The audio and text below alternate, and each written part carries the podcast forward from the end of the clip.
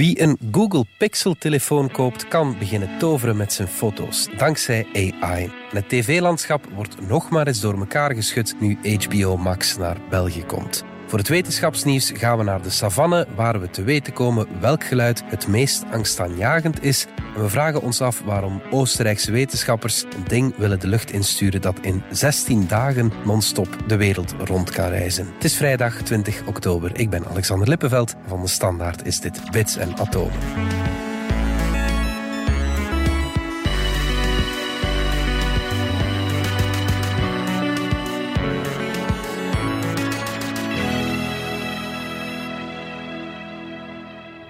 Pieter van Doren, wetenschapsjournalist en Dominique Dekmijn, technologiejournalist. Dominique, beginnen doen we met de Google Pixel 8 telefoon. Dat is een duur ding, maar je kan er wel leuke dingen mee. Uh, ja, die, die, Google Pixel telefoons bestaan al een tijdje, maar uh, Google had die nooit eigenlijk bij ons uitgebracht. Dus je kon ze wel er, ergens op Amazon of zo bestellen. Dat lukte wel, maar met, met een beetje omwegen. Ja. Uh, maar eigenlijk lagen ze hier niet in de winkel, nu wel. Dus dat is, dat is op zich een reden om, om er eens naar te kijken. Want het is wel een van die uiteindelijk, ja, het is de, de Android-telefoon van Google, de maker van Android. Het is dus een beetje zo een, een, een showcase eigenlijk van wat, wat kan je eigenlijk allemaal doen met zo'n telefoon. Een beetje zoals de laptops van Microsoft een showcase zijn voor Windows. Dus, dus zo moet je dat een beetje bekijken. Meet Google Pixel 8 en Pixel 8 Pro.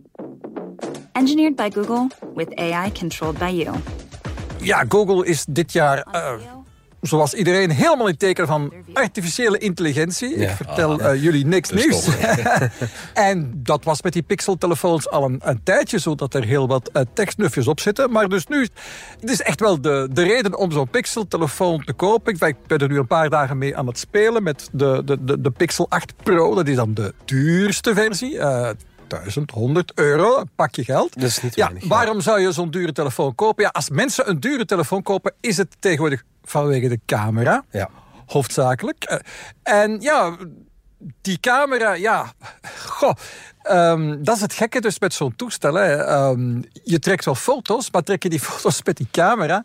Of trek je ze met de artificiële intelligentie die daar dan nakomt? Die dan ja. op die chip mm -hmm. draait. En dus, dus ja, de, de, de stunts waarmee je die, die Pixel 8 en 8 Pro worden verkocht... hebben allemaal te maken met uh, dingen die je met je foto doet. Bijvoorbeeld een van de dingen die je kunt doen is... Ik was nu net een foto uh, van uh, Bart en Alexander hier aan het trekken. En ik liet ze allemaal wat smoelen trekken. En dan ziet, ziet de Pixel Pro camera... Ziet, ja, dat zijn eigenlijk vier, vijf foto's van dezelfde twee mensen, hetzelfde decor.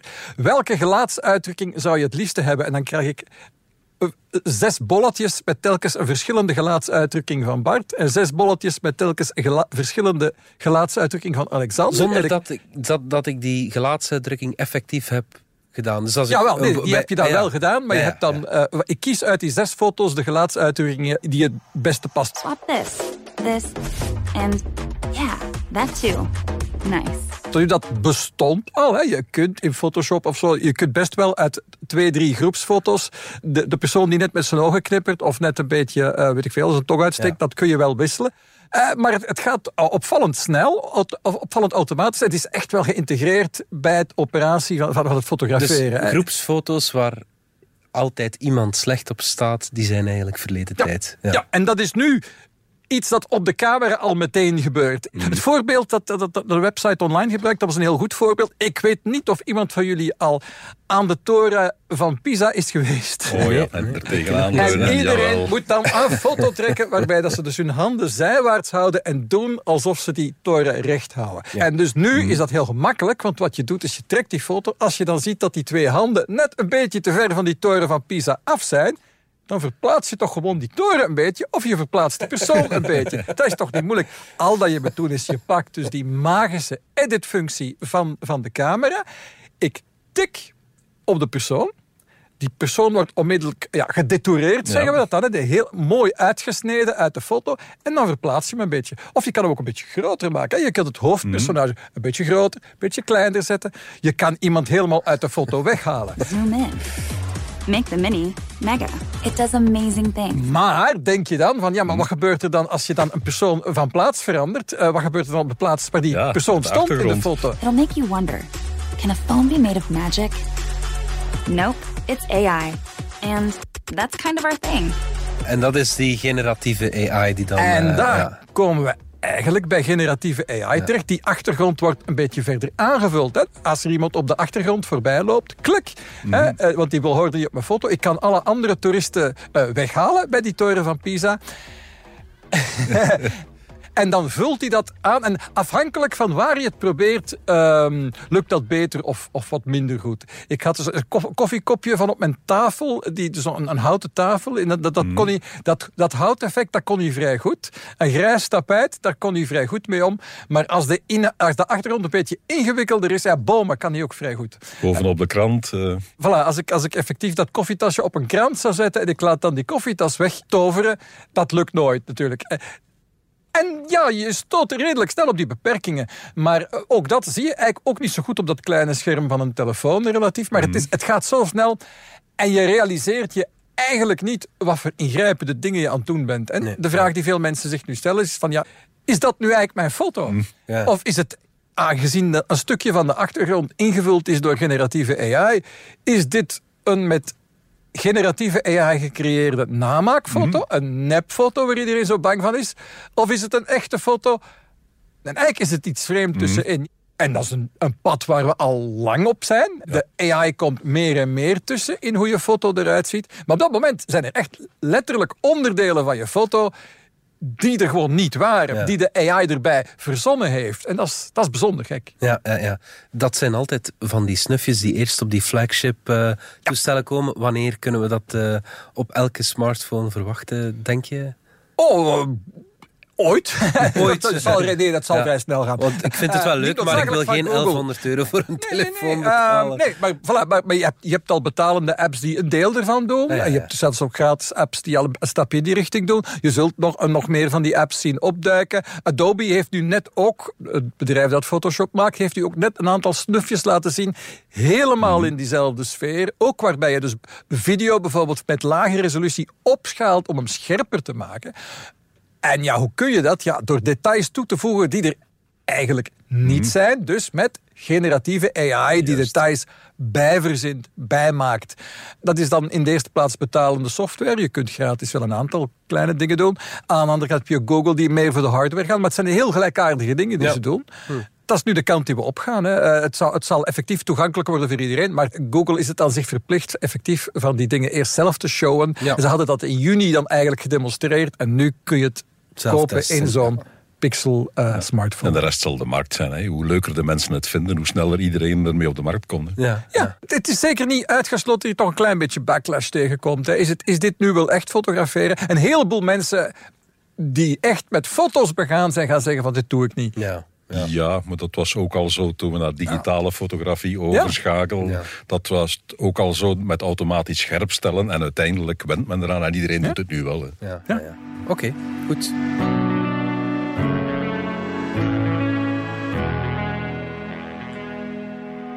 Pieter, er is een uh, bekend kinderliedje dat gaat als volgt.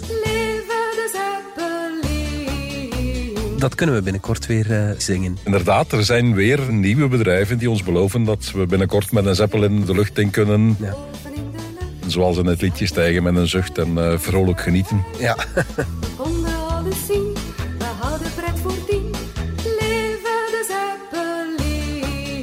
Als het van mij afhangt, hadden we dat al veel langer gekonnen. Uh, Zeppelins zijn eigenlijk uh, net voor de Tweede Wereldoorlog uh, ingestort. Ja was op dat moment een boemende markt. de eerste lijnvluchten naar New York, de eerste lijnvluchten naar Rio de Janeiro, die waren met een Zeppelin. Ja, okay. En op dat moment kon zo'n Zeppelin inderdaad transatlantische vluchten doen, terwijl een vliegtuig ja, sprongetjes van 100, 200 kilometer kon maken. Ja. En toen moest het alweer naar beneden om bij te tanken of om gerepareerd te worden. Zeppelins hadden toen een voorsprong op vliegtuigen. Ja, maar dan was er natuurlijk die Hindenburg-ramp. En, en toen was er de bekende Hindenburg-ramp. Na de Titanic is de Hindenburg waarschijnlijk het meest bekende ramptuig. Hoewel, daar zijn eigenlijk maar 36 mensen bij gestorven. Ja, ja. Maar de beelden waren zo spectaculair. Ja. Eigenlijk was het al een routinelanding. Hij moest landen in New York. En geen enkel medium stuurde daar nog een verslaggever naartoe, behalve toevallig een plaatselijk radiostation. The ill-fated Hindenburg on her last flight sails over New York. Al even toevallig was er ook iemand die ter plaatse beelden kunnen schieten heeft. A graceful craft sailing serenely to her doom. Dus die ramp kon onmiddellijk in alle cinema's over heel de wereld vertoond worden. Voilà. These scenes were filmed by Pathé News cameraman William Deek. And you're about to see the pictures he got when the ship exploded. Those aboard leaping for life from a flaming inferno. The actual crash of the Hindenburg. An airship destroyed in less than half a minute. En er was ook opnameapparatuur, wat in de jaren 30 ook niet evident is. Dus wat die man uitzond live op radio is ook opgenomen.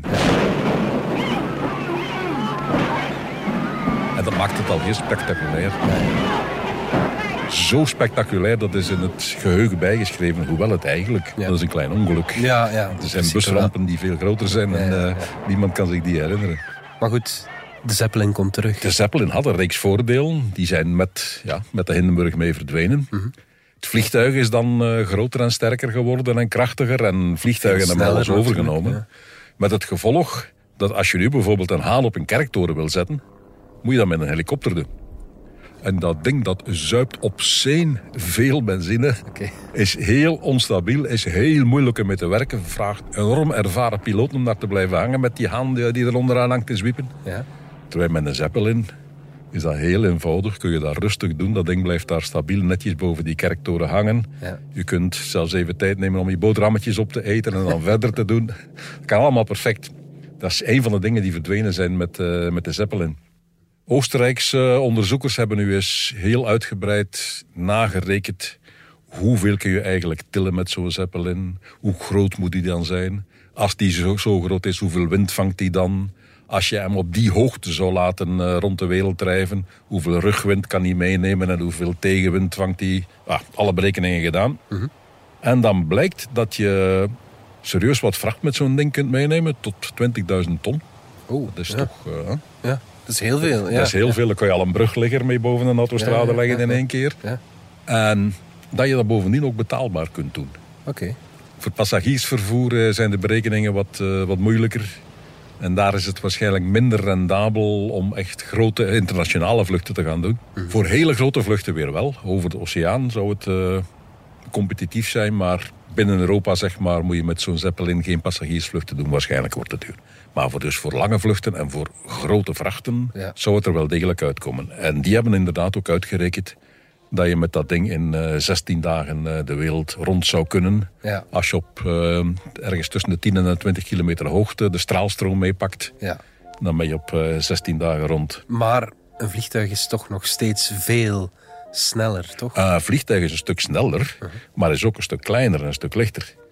Je kunt aardbeien wel per vliegtuig vanuit Kenia naar hier vervoeren als je dat zou willen doen. Dat gebeurt ook. Maar je moet geen uh, complete gebouwen met zo'n ding vervoeren. Of zoals ik net zei, liggers van bruggen of dat soort zware dingen. Ja. Voor de militairen -huh. moet je gigantische vliegtuigen hebben. Dan kun je dan een paar tanks insteken. Ja. In zo'n Zeppelin, degene die ze hier uitgerekend hebben, zal meer dan twee kilometer lang zijn. Ah, ja. Dan krijg je wel wat tanks in. Ja, ja. oké. Okay, een Zeppelin van twee kilometer lang? Ja. Wauw. Ja. Dat was waar ze de berekeningen mee deden. Vanaf dan wordt het interessant. Dan heb je inderdaad ja. een groot volume. Dan heb je die, die 20.000 ton hefvermogen. Mm -hmm. Als je hem vult met waterstof, wat het meest gebruikelijk was. Inside the silver envelope are 16 separate gas bags. Each filled with hydrogen. A highly inflammable gas. Nu, waterstof weegt 90 gram per kubieke meter. Mm -hmm. Dat is heel weinig. Lucht weegt een kilo 200 per kubieke meter. Dus als je lucht vervangt door waterstof, dan heb je iets van een, uh, een kilo 200 per kubieke meter aan hefvermogen. Ja, oké. Okay, ja. Dus uh, voor een ton, 1000 kilo, moet je dan al 1000 kubieke meter hebben. De Hindenburg had iets van uh, 200.000 kubieke meter. -hmm, okay. volume. Je hebt dus enorme volumes nodig ja. om voldoende gewicht te kunnen tillen. Maar het, het kan. -hmm. En het probleem is eigenlijk dat niemand uh, daarin gelooft. Uh, dat die Hindenburg is zo op het uh, netvlies en in de cultuur gebrand. Dat niemand bereid is om daar geld aan te geven aan Zeppelins. Ook al wordt telkens opnieuw berekend en aangetoond dat ze best handig en vruchtbaar zouden zijn. Mm -hmm. Zeppelins bieden iets wat gigantisch kostbaar is in de luchtvaart, dat is ruimte. Ja. Vliegtuigmaatschappijen maken allemaal reclame met de beenruimte die je bij hen krijgt. En dat gaat dan om een paar kubieke centimeter. Terwijl in zo'n Zeppelin had je een cabine voor jezelf. Ja. Met een eigen badkamer. Er was een Met een eetzaal aan boord, de hele mikmak. Zelfs een rooksalon. Ondanks het feit dat je daar dus tussen de waterstof zat. Risky. Zuinigheid het hangt een beetje af van de manier waarop je telt. Maar je kunt berekenen dat die, die maar 10% van de uitstoot heeft van een vliegtuig. Ja. Nogmaals, het hangt af van hoe dat je berekent en wat dat je meeneemt en wat niet en in welke omstandigheden. Kustwacht die heeft nu wel vliegtuigjes die langs de kust heen en weer vliegen, maar dat, dat is continu vliegen. Terwijl geeft die kustwacht een zeppelin, die blijft rustig te plaatsen hangen. Dat kost je nauwelijks energie, een klein beetje om een beetje de tegenwind te compenseren en that's it. Landingsplaats voor een vliegveld heb je enorme hoeveelheid ruimte nodig. Kilometers lange landingsbanen. Mhm. Voor zo'n Zeppelin volstaat een paal. Ja, het is dat. ja, je haakt er een koord aan en hij hangt vast. Ja, En dan heb je nog een laddertje nodig om eh, uit te stijgen, maar dat heb je bij een vliegtuig ook nodig. Ja, ja. En komt het er, Pieter, denk je? Of, of, of is het ik gewoon... Ik hoop het al heel lang, maar ik heb in mijn carrière toch al wat bedrijven zien gaan, hoor. In de jaren tachtig was er eh, in, in Engeland Airship Industries. De mhm. bedoeling was cruises tussen de Griekse eilanden, verbinding tussen de, de, verschillende luchthavens van Parijs, in plaats van via de metro of met een taxi te moeten, zijn over kop gegaan. In de jaren 90 had je Cargolifter. Ja. Zijn in 2000 failliet gegaan. Niet omdat een toestel slecht was, het geld pas op. 2001 in Nederland. Rigid Airships Companies. Zijn ermee naar de Nederlandse regering gestapt. En de Nederlandse regering heeft officieel gezegd: jongens, maak die dingen voor ons, wij nemen ze af. Bedrijven is over kop gegaan voor ze zover waren. Het is altijd weer, ze krijgen financiering. Ja, De beloftes zijn er, de plannen zijn er, de berekeningen zijn er. Het klopt allemaal, alleen eh, ze geraken niet aan geld. Nee. Dat is iets dat je soms nog ziet als een, de geschiedenis een weg ingeslagen heeft, hoe goed je uitvinding ook is. Niemand gelooft je nog, niemand is nog geïnteresseerd en uh, ja, het verdwijnt weer. The Hindenburg has gone. Her tragedy will not halt the march of progress. From her ashes will arise the knowledge. From her fate, the lesson that will lead to a greater and a better means of mastering the air. If so, her dead will not have died in vain. Good times, bad times for the Zeppelin. Yes.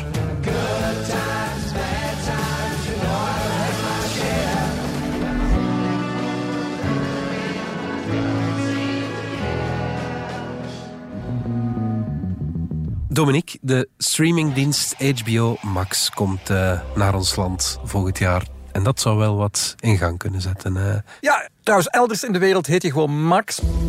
Maar bij ons heet hij dan HBO Max. Omdat VRT Max. Nog, onder andere VRT, dat, dat, is, dat zou dan een van de redenen zijn. Maar inderdaad, dat is een van de grote streamingbedrijven die bij ons nooit actief waren. Mhm. Niet rechtstreeks.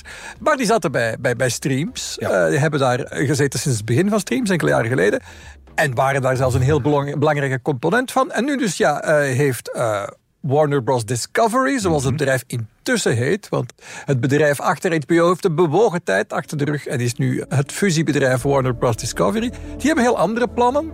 Eerst ging het zo slecht dat ze dachten van ja, met die kleine landjes gaan we ons voorlopig niet bezighouden. Mm. en die zijn dan hebben, hebben ze hier nog eigenlijk de Belgische markt met rust gelaten. Ja. En nu is de beslissing toch van ja, we, gaan geen uitzonderingen maken. Iedereen gelijk. één max, want zo heet het product mhm. eigenlijk internationaal. één max voor iedereen in de wereld. En dat zijn ze nu aan het doen. En ja, dat gaat wel iets veranderen in onze streamingmarkt, omdat ja, dat zijn eh, superveel populaire series. Mhm. we denken dan aan The House of the Dragon en, en The Last of Us. En goh, HBO, dat staat bij heel veel Vlaamse kijkers nog echt voor de Kwaliteitsvolle tv. Kwaliteitsvol, kwaliteitsvol, een beetje edgy, soms een beetje gedurfd. Uh, ik dacht dat we eigenlijk al abonnementen te veel hadden. Dat, uh, ja, voilà, dat wel, ja, kijk, dat is inderdaad wat heel veel mensen nu denken van... wij hebben er eigenlijk al heel wat van die abonnementen.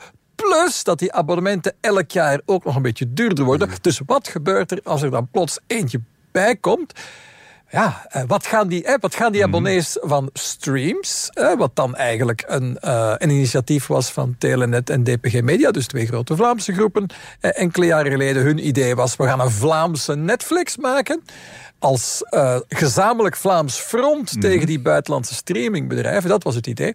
Maar ja, ze moesten van iets beginnen. En ze, ze zijn dan begonnen van het Telenet Play aanbod. En de belangrijkste component daarvan was eigenlijk HBO. Dus ze waren een stukje Amerikaanse content gebruiken als basis, als fundament uh, uh, voor die Vlaamse Netflix. Mhm. En dat was altijd heel gek. Ze hadden best wel wat Vlaamse series, maar de, de kern van het oorspronkelijke kijkerspubliek mm van die streams was de meerwaardezoeker die net extra betaalde om niet naar Vlaamse series te moeten kijken. en om naar die, de beste Amerikaanse series onmiddellijk te kunnen kijken. Die programma's gaan dan nu weg. Ja, gaan al. gaan, gaan volgen. Dat zou kunnen. Ja. er is altijd een traagheid met mensen. Je weet dat nooit zeker. Wat gaat er gebeuren? Is dit het einde van de streams, de Vlaamse Netflix? Is eigenlijk een vraag die dan uh, rondgaat deze week. Uh, waarop het antwoord simpelweg is: ja, dat weet je niet. Hè, want uh, de streams bespaart nu, zo kan je het ook bekijken, een gigantische pak geld. Waar ze nu iets anders mee kunnen doen. Bijvoorbeeld Vlaamse series maken. Misschien gaan ze dat wel doen. Dat zou heel gedurfd zijn. Mhm. Om nu net, wanneer iedereen aan het besparen is, te zeggen: wij gaan juist meer uitgeven. Ah ja, want er komt zoveel geld vrij dat ze niet meer aan HBO moeten uitgeven. Of ze kunnen zeggen, we gaan dat geld uitgeven om andere reeksen uit het buitenland aan te kopen, want er zijn er heel veel. Er zijn nog twee streaming reuzen, is nu misschien het woord niet, maar de middelgrote spelers, Peacock en Paramount. Twee grote internationale groepen met best wel wat populaire series. Ja, die zijn nog niet in ons land geland. Als die de plaats innemen van HBO in het aanbod van streams, kan ook. En op die manier zou iedereen dan eindelijk in België aanwezig zijn. Wat nu nog niet is, hè, want er zijn nu effectief twee grote internationale spelers niet aanwezig op de Belgische markt. Hoewel sommige series dan individueel wel verkocht zijn. In ieder geval gaat alles terug stevig door elkaar geroerd worden. Het gaat in ieder geval betekenen dat iedereen nog eens goed gaat nadenken over welke streamingabonnementen neem ik nu. Het gaat dan in de loop van 2024 gebeuren. Ik denk dat de kans klein is dat veel mensen gaan zeggen: ik ga er nog eentje bij pakken. Mm, Daar zijn we niet, niet in deze tijd. Ze worden allemaal duurder. Een nieuw alternatief dat we nu sinds kort krijgen, is dat je die goedkopere met reclameversies uh, van, van streaming begint te krijgen. Nou, Streams mhm. was er eigenlijk zelf de eerste mee om te zeggen, we maken nu een goedkopere versie met reclame. Um, dus dat zou een deel van de toekomst kunnen zijn. Dat we dan teruggaan naar eigenlijk uh, ja, meer reclame kijken. Mhm. Heerlijk. Ja. Dachten we dat we daar vanaf waren met streaming, blijkt dat uh, toch niet zo te zijn. Of een systeem van mensen die om de drie maanden uh, veranderen, die uh, een aanbieding nemen van, van deze provider. Tuurlijk, en na drie maanden naar de volgende aanbieding overstappen en dan maar hoppen. Ja. dat wordt meer gezegd dan gedaan, denk ik. Hè? Het, het, het, er is altijd een soort Mensen zijn gewoontedieren. Ja, we zijn ook gewoontedieren. En je ziet, ze zorgen ook wel dat die factuur redelijk pijnloos ja. uh, van je rekening gaat. Mm. Soms dat, de honderden, je ziet dat is allemaal gedomicileerd. Goh, um, dus, dus ik kan me wel indenken dat heel wat mensen al vergeten zijn hoeveel abonnementen ze betalen. En dat dan, ja. Maar ja, op een bepaald moment, die, die, die, die prijzen blijven wel stijgen. Mm. Uh, Disney Plus is al hoeveel keer van, van prijs verhoogd. Ja, Netflix verhoogt um, ja, om, om het jaar, anderhalf jaar nog eens van prijs. Dus dat gaat allemaal hoger. Op een bepaald moment wordt het wel uh, een beetje veel. Ja. Beginnen we dan de goedkopere versies te pakken met reclame die er nu aankomen. Mm. Ja, spaar je weer wat geld, maar goh, is toch wel weer, weer een frustratie. Uh, waarmee uiteindelijk maar blijkt dat die hele streamingmarkt, uh, dat het allemaal wat ingewikkelder is dan we oorspronkelijk mhm, dachten. En dat het, het, het, het streamingparadijs dat we ooit zagen aankomen van ja, je betaalt gewoon een bedragje aan Netflix. En je kan alles kijken wanneer je maar wil en zonder reclame. Uh, niet alleen raakt het meer en meer verbrokkeld maar dan gaat de prijs ook telkens omhoog. En dan krijg je plots blokken inhoud die dan verdwijnen van één streamingbedrijf en naar een ander gaan. Het is allemaal toch een stuk ingewikkelder dan het uh, drie, vier jaar geleden klonk. Ja, absoluut. Oké, goed. We gaan er even uit voor een uh, heel leuke boodschap. Ben jij ook verslingerd aan podcasts? Kom dan op 10 en 11 november naar Cursaal Oostende voor de tweede editie van het podcastfestival van De Standaard. Op de affiche live-opnames, talks en luistersessies van de grootste podcasts uit binnen- en buitenland. Waaronder Nerdland Podcast, De Volksjury, Gossip Guy, De Stemmen van Assisen, De Kunst van het Verdwijnen, Audiocollectief Schik, The Legend of Cillian en uiteraard zijn wij er ook met DS Vandaag, Radar en La Croix, Ik Was Gangster. Kortom, een feest voor het oor. En jij kan erbij zijn. Alle info en tickets op dspodcastfestival.be.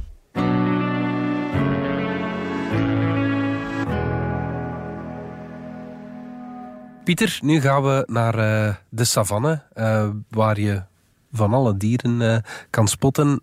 En we weten nu ook wat het meest angstaanjagende klinkt op de savanne. Ja, we hebben er zelfs beeld van. Oké. Er zijn uh, onderzoekers uh, die publiceren in uh, Current Biology, maar hebben ook filmpjes online gezet met giraffen, hyena's, zebra's, frattenzwijnen, leeuwen, olifanten, neushoorns, nijlpaarden, noem maar op. aan 21 verschillende drinkplaatsen in het Krugerpark in Zuid-Afrika. Ja, ja. Waar die dieren dus komen drinken als ze dorst hebben. De mensen hebben daar videocamera's geïnstalleerd die een signaaltje geven als er iemand komt drinken.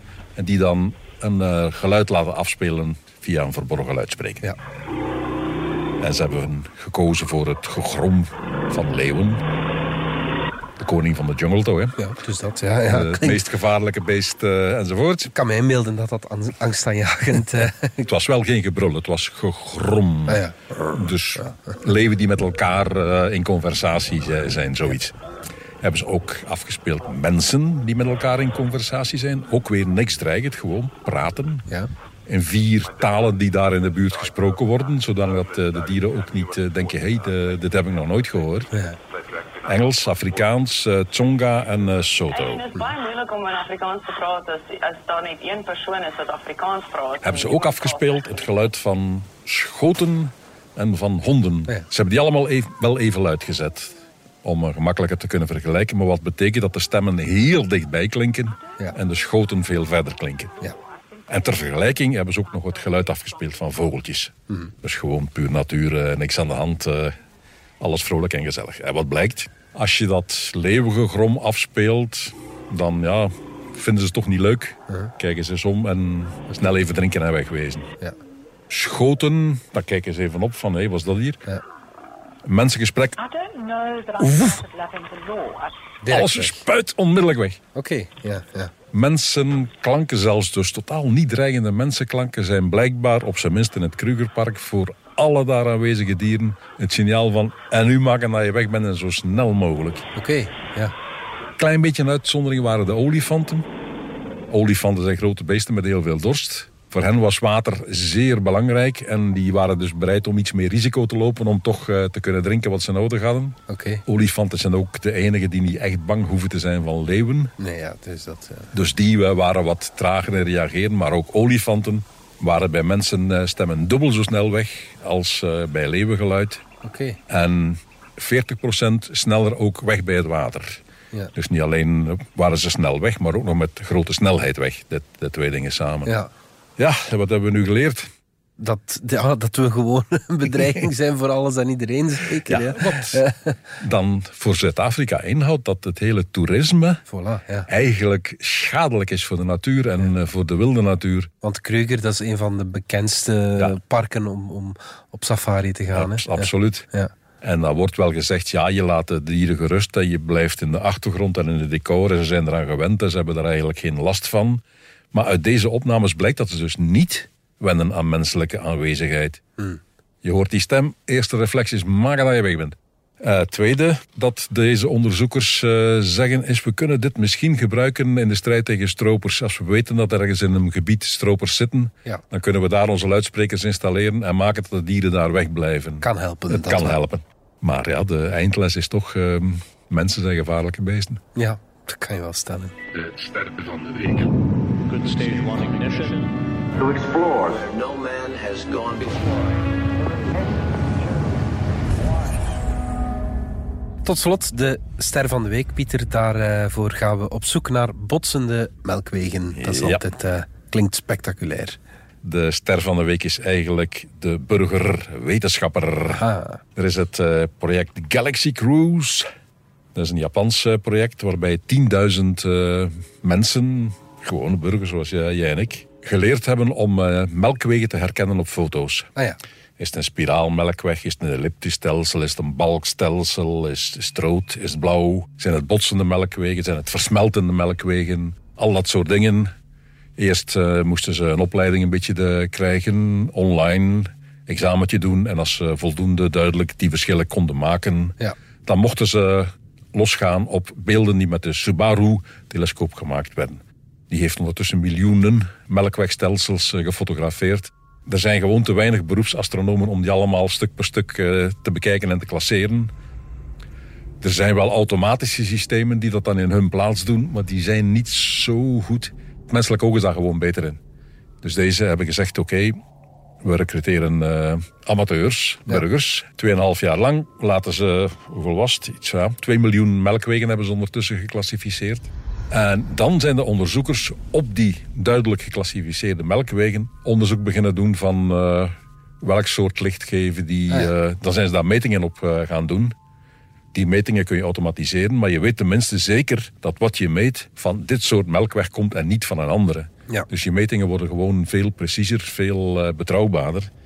En wat ze daaruit nu al geleerd hebben is dat inderdaad bij botsende melkwegen dat je daar veel meer nieuwe jonge sterren ziet ontstaan ah, ja. dan bij andere melkwegen. Ja. En goed, dat is wel leuk om te weten. Ja, inderdaad. Goed. Oké, dankjewel. Yes, we've got it. Dit was Bits en Atomen, onze wekelijkse podcast over wetenschap en technologie. Bedankt voor het luisteren. Alle credits van de podcast die je net hoorde vind je op standaard.be-podcast. Reageren kan via podcast.standaard.be. Volgende week zijn we opnieuw.